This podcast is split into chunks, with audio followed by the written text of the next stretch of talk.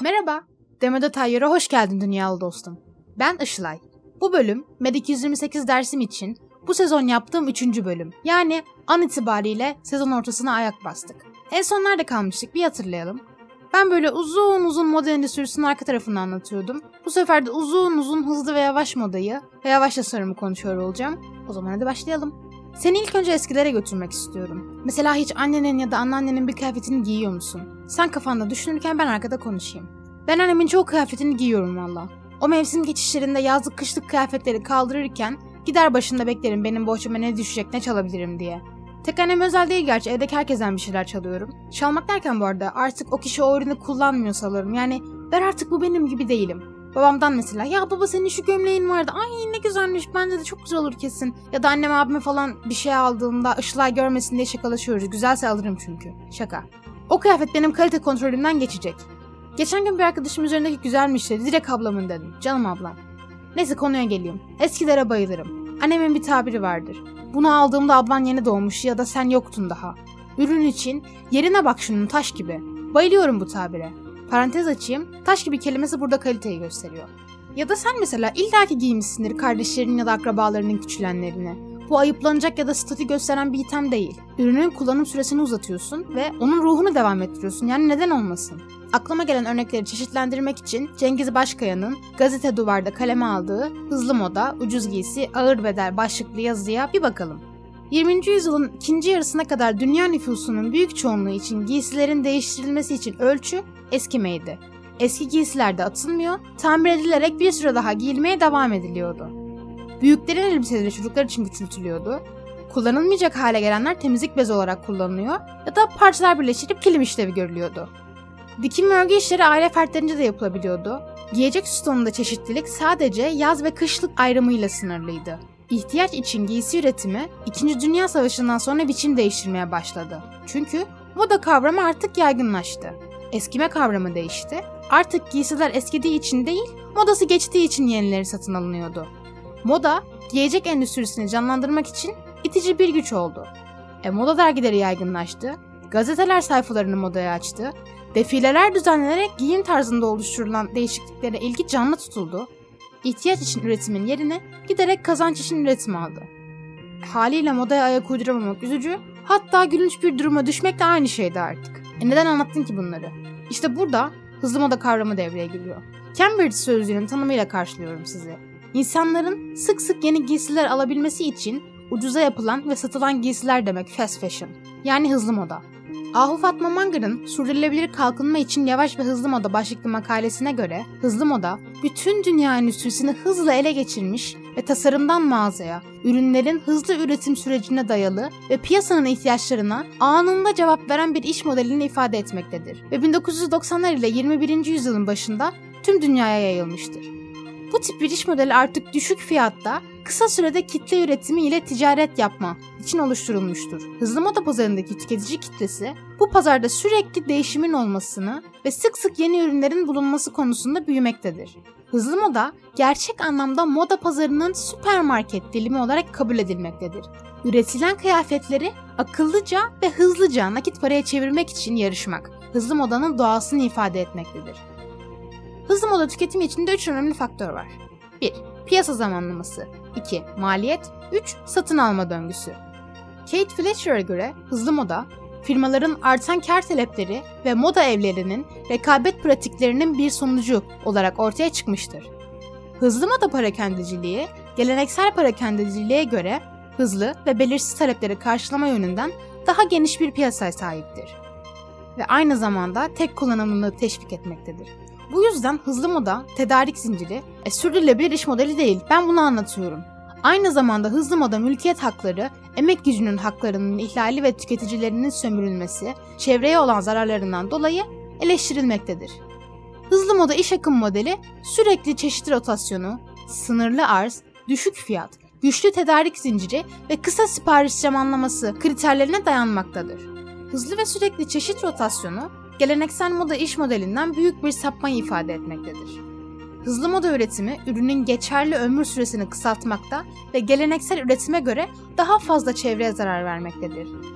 Yani bundan önceki bir arkadaşımın tabiriyle Spotify'da mıyım Udemy'de miyim belli değil vari olan bölümdeki tüm kötülüklerin anası hızlı moda dostlarım. Nesrin Türkmen'in Sürdürülebilir Bir Tekstil Endüstrisi için Yavaşlık ve Alternatif Üretim Modelleri isimli çalışmasından devam ediyorum. Bu yüzyılın yaygın tasarım paradigması, üretimi ve tüketimi hızlandırmak için çok kısa kullanım süreleri olacak şekilde tasarlanmış milyonlarca ürün ve mekan üzerine kurulmuştur. Hızlı tüketimin belki de en dramatik şekilde tekstil ve moda sektöründe yaşandığını söyleyebiliriz. Tüketicilerin hep daha yeni olanı, daha hızlı olanı elde etme arzularını doyurabilmek için moda eğilimleri öyle hızlı değişir hale gelmiştir ki bunun sonunda birbiriyle yarışan firmalar sayesinde ürün fiyatları da gereğinden fazla düşmüştür. Bu konuda çoğu firmada mümkün olduğu kadar hızlı yapma yolunu seçmiştir. Hızlı moda olarak adlandırdığımız bir üretim şeklinde bir ürün numunesi veya çizim eskizi 12 gün gibi kısa bir sürede bitmiş ürüne dönüşebilmektedir. Önceki yıllarda birçok firma yılda iki kez koleksiyon yaparken bugün mağazalarda neredeyse her ay yeni ürünler eskisiyle yer değiştirir olmuştur. Bu durumda da maliyetleri en aza indirebilmek için hızlı üretim ürünlerinin çoğu işçi ücretlerinin düşük olduğu Asya, Afrika ve gelişmekte olan ülkelerde yapılmaktadır. Bu ülkelerde işçiler düşük ücret, kötü çalışma şartları, uzun çalışma süreleri ve gerçekçi olmayan teslimat süreleriyle baş ediyor. Rana Plaza'yı hatırlayın. Son yüzyıl boyunca hızlanarak büyüyen bu tüketim sürecine karşı 10 yıldır dünyanın sürdürülebilir geleceği üzerine etki eden üretim ve tüketim şeklinin olumsuz etkilerini en aza indirmeye yönelik önemli bir mücadele ortaya konmuştur. Son yıllarda dünya üzerinde daha sürdürülebilir bir yaşam sağlayabilmek için birçok alanda köklü değişikliklere ve bir dönüşüme mecbur olduğumuz gerçeğiyle yüzleştikten sonra birçok tasarım teorisyeni, eğitimci ve tasarımcı da neler yapabiliriz sorusuna farklı önermelerle yanıt bulmaya çalışmıştır. Bu önermelerden birisi de üretim ve dolayısıyla tüketim alışkanlıklarımızı değiştirmeye, dönüştürmeye yönelik yavaş tasarım manifestosudur. Bir örnek vereyim.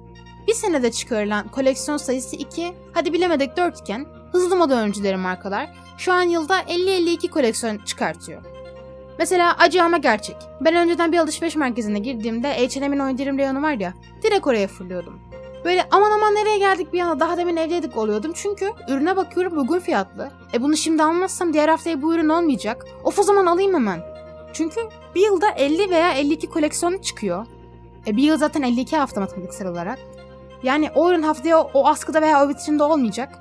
Tak tüketime teşvik oluyordum. Yani plak oluyordum. Yavaş modaya geçmeden önce bu ürün yavaş tasarıma bir bakalım.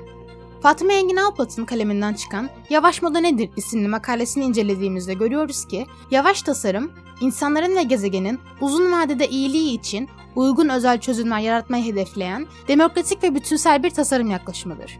Şahane. Anlamı, bireysel ve sosyokültürel dengelemeler ve çevresel ihtiyaçlar arasından sürdürülebilir tasarım kavramının geliştirilmesiyle ilgilidir. Yavaş tasarım kavramını özümseyerek tasarım yapmak, tasarımda da sürdürülebilirliği sağlamak açısından önemli. Çünkü artık insanların hayatlarında kullandıkları hemen hemen tüm ürünlerde tasarım ön planda. Yavaş tasarım ilk kez Alistair Fuad Luke tarafından 2002'de sürdürülebilir yaşam için bir değerler dizisi çalışmasında kullanılmıştır. Luke, fiziksel ürün tasarımı üzerine odaklanmış olsa da yavaş tasarım kavramı açısından ele alındığında deneyimler, yöntemler, hizmetler ve organizasyonlar gibi maddi olmayan soyut tasarım kuramları için de yavaş tasarım kavramının geçerli olduğu belirlenmiştir. Yavaş moda ve yavaş tasarım ne alaka diyecek olursan, yavaş moda hareketi yavaş tasarım hareketini başlatmıştır. Yavaş tasarımcılar modası geçmeyecek ancak kullanışlı ve kaliteli ürünler tasarlamak, böylece üretimi ve tüketimi daha sınırlı, ancak değerli hale getirmek ile görevlidirler. E, peki yavaş moda ne? Yavaş moda dostum, günümüzdeki çok hızlı değişen moda akımları, eğilimleri ve hızlı üretime karşı doğmuş bir hareket. Ve hareketin temel felsefesi uzun süreli giyilebilecek, kalitesi yüksek, modası geçmeyecek ürünler üretmek. Bu üretimi yerel kaynaklar, yerel moda tarzları ve doğal malzemelerle üretmeyi hedeflemektedir. Dahası yavaş moda hareketi tüketicilerin giydikleri giysinin materyali hakkında düşünmelerini sağlamayı amaçlamaktadır. Yavaş moda yani yavaş giyinme hareketi aslında eski ve yeninin harmanı olarak kabul edilebilir. Neyi satın aldığımızı, ürünü kimin ürettiğini ve bu bilgilerin ürünün kalitesini nasıl etkilediğini sorgulayarak sosyal ve çevresel sorumluluk hakkında seçenek sunmaktadır. Yani bakıldığında amacı tekstil ve hazır giyimi yavaşlatmak değil, üretimi sürdürülebilir kılmak ve kaynakları etkin kullanmaktır.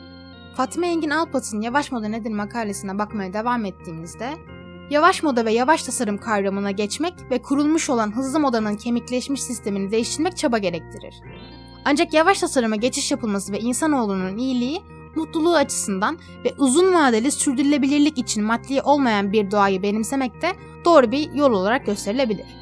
Yavaş tasarımların günümüzde ve gelecekteki ortak uygulama özellikleri şöyle belirlenmiştir. Tekstil tasarımı ve moda tasarımı ile ilgili kısa ve uzun vadeli faktörleri dikkate almak ve bu doğrultuda hareket etmek. Sürdürülebilirlik için ihtiyatlı davranıp mümkün olduğunca zararı azaltmak. Estetiği kaybetmeden istenilen sonuçları elde edebileceğimiz basit fakat özlü çözümler bulmak. Demokratik yaklaşım açısından tasarımı kullanmalıdır. Ancak profesyonel olmayanlar için süreci ve sonucu erişilebilir tutarak önlerini açmak gerekmektedir. Uyarlanabilir olmak, çözümler geliştirmek ve zaman içinde bunları kullanırken gerektiğinde duruma uygun biçimde modifiye edebilmek gerekmektedir. Dayanıklılık, kesin çözümler üretmek ve zaman içinde bunların onarım ve parça değişim ihtimallerini en aza indirgemek. Toksik olmayan ortam yaratmak, toksik olmayan ortamı sağlamak için kirlilik yaratan ve zehirleme etkisi olan madde ve süreçleri azaltma çözümleri aramak, verimlilik, zaman, emek, enerji ve fiziki kaynakların aşırı tüketimini en aza indirgemek gerçek verimlilik olacaktır.